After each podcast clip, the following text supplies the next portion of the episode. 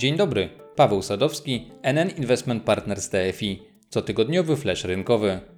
Na przestrzeni ostatnich tygodni byliśmy świadkami wielu niestandardowych zachowań rynku. Zaliczyć do nich możemy m.in. negatywne tendencje w odniesieniu do zachowania wycen długu skarbowego oraz złota.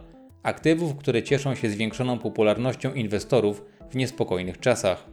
I choć obecnie właśnie z takim burzliwym okresem mamy do czynienia, to nie najlepsze zachowanie wycen tych bezpiecznych przystani mogło dziwić. Za spadkami ich kursów kryła się chęć posiadania żywej gotówki. Wspominałem o tym w poprzednim nagraniu. Co w takim razie skłoniło inwestorów, aby chwilowo porzucić te wspomniane aktywa? O tym, że mamy obecnie do czynienia z okresem rynkowych turbulencji, to chyba nikogo nie trzeba przekonywać. Trudno uznać również za wyolbrzymione opinie, że rozwiązanie aktualnych i spodziewanych problemów będzie znacznie bardziej złożone niż podczas ostatnich głębokich kryzysów. Do tego dochodzi niepewność wynikająca ze specyficznego charakteru obecnej sytuacji, związanej z naszym zdrowiem i życiem. Te obawy stały się na tyle poważne, że inwestorzy uznali, iż jedynie posiadanie gotówki daje im względne poczucie bezpieczeństwa. Z analogiczną sytuacją mieliśmy do czynienia w drugiej połowie 2008 roku, w czasie nasilenia paniki związanej z globalnym kryzysem finansowym. Wtedy także przejściowo taniało złoto, a później spadały ceny obligacji skarbowych. Te tendencje nie okazały się jednak zbyt trwałe. Można więc spodziewać się, że i tym razem sytuacja niebawem wróci do normy, albo już zaczęła wracać i bezpieczne przystanie znów staną się bezpieczne. Wpływ na poprawę zachowania rynku obligacji skarbowych miała pomoc ze strony banków centralnych.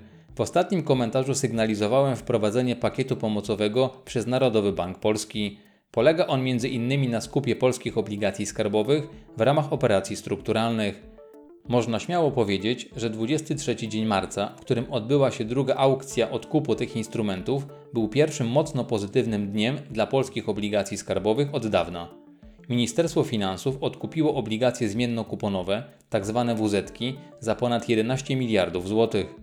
Ta oraz kolejne aukcje powinny przekładać się na zmniejszenie amplitudy wahań cen instrumentów skarbowych, znaleźć pozytywne odzwierciedlenie w zachowaniu ich rentowności oraz znacznie poprawić rynkową płynność. Tę chwilę uspokojenia na rynku papierów skarbowych warto wykorzystać do podsumowania i oceny tego, w jakim stopniu instytucje zarządzające aktywami były przygotowane do fali wyprzedaży, jaka przetoczyła się ostatnio przez rynki długu skarbowego w Polsce i na świecie. Chciałbym teraz przytoczyć wyniki dwóch grup produktów dłużnych, które poddawane są ocenie przez firmy analizy online. Pierwszą grupę stanowią fundusze papierów dłużnych polskich uniwersalnych. W jej skład wchodzi 45 produktów. Rozbieżność ich wyników od początku tego roku do 25 marca jest olbrzymia. Najlepszy wynik w tym okresie wyniósł plus 0,99%. Drugą najlepszą stopę zwrotu, plus 0,96%, osiągnął NN krótkoterminowych obligacji, a podium z wynikiem plus 0,81% zamyka NN krótkoterminowych obligacji plus. Najgorszy fundusz w tej kategorii uzyskał wynik na poziomie minus 5,58%. Średnia dla grupy w tym okresie wyniosła minus 0,97%. Drugą grupę reprezentują fundusze papierów dłużnych polskich skarbowych długoterminowych. W jej skład wchodzi 25 produktów. Rozbieżność ich wyników od początku tego roku do 25 marca jest również olbrzymia. Najlepszy wynik w tym okresie wyniósł plus 2,66% i należy do funduszu NN Obligacji 2, a trzecim najlepszym wynikiem na poziomie plus 2,45% może pochwalić się NN Obligacji. Najgorszy fundusz w tej kategorii uzyskał wynik na poziomie minus 6,02%. Średnia dla grupy w tym okresie wyniosła plus 0,96%. Oczywiście nie tylko NBP rzucił koło ratunkowe dla rynku finansowego i gospodarki. Rezerwa Federalna Stanów Zjednoczonych ponownie wkroczyła do gry. Po niedawnym obcięciu stóp procentowych do zera, amerykański bank centralny, powołując się na konieczność realizowania swojego mandatu, to znaczy dbanie o pełne zatrudnienie i stabilność cen, ogłosił kilka działań antykryzysowych. Do najważniejszej z nich należy zapowiedź skupu obligacji skarbowych oraz papierów wartościowych zabezpieczonych spłatą hipotek w ilościach takich, które zapewnią sprawne działanie rynkowi.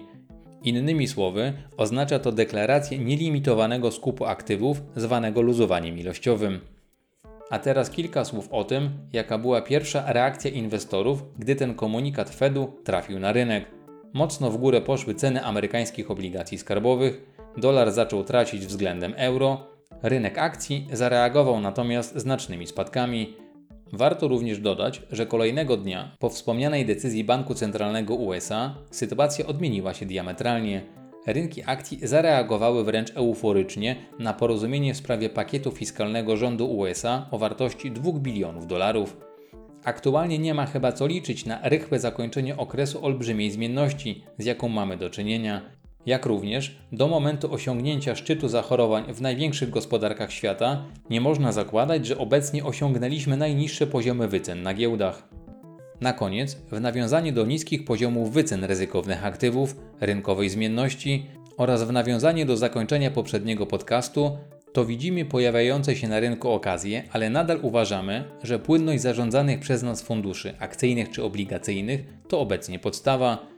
Dlatego bacznie obserwujemy aktualną rynkową sytuację, będąc w gotowości do podjęcia działań, jednak nie spieszymy się z decyzjami. Podsumowując, jesteśmy w zależności od klasy aktywów oraz bieżącej sytuacji defensywnie lub neutralnie nastawieni do rynku i nie spuszczamy z inwestycyjnego oka zarówno zagrożeń, jak i okazji. To tyle na dzisiaj i do usłyszenia.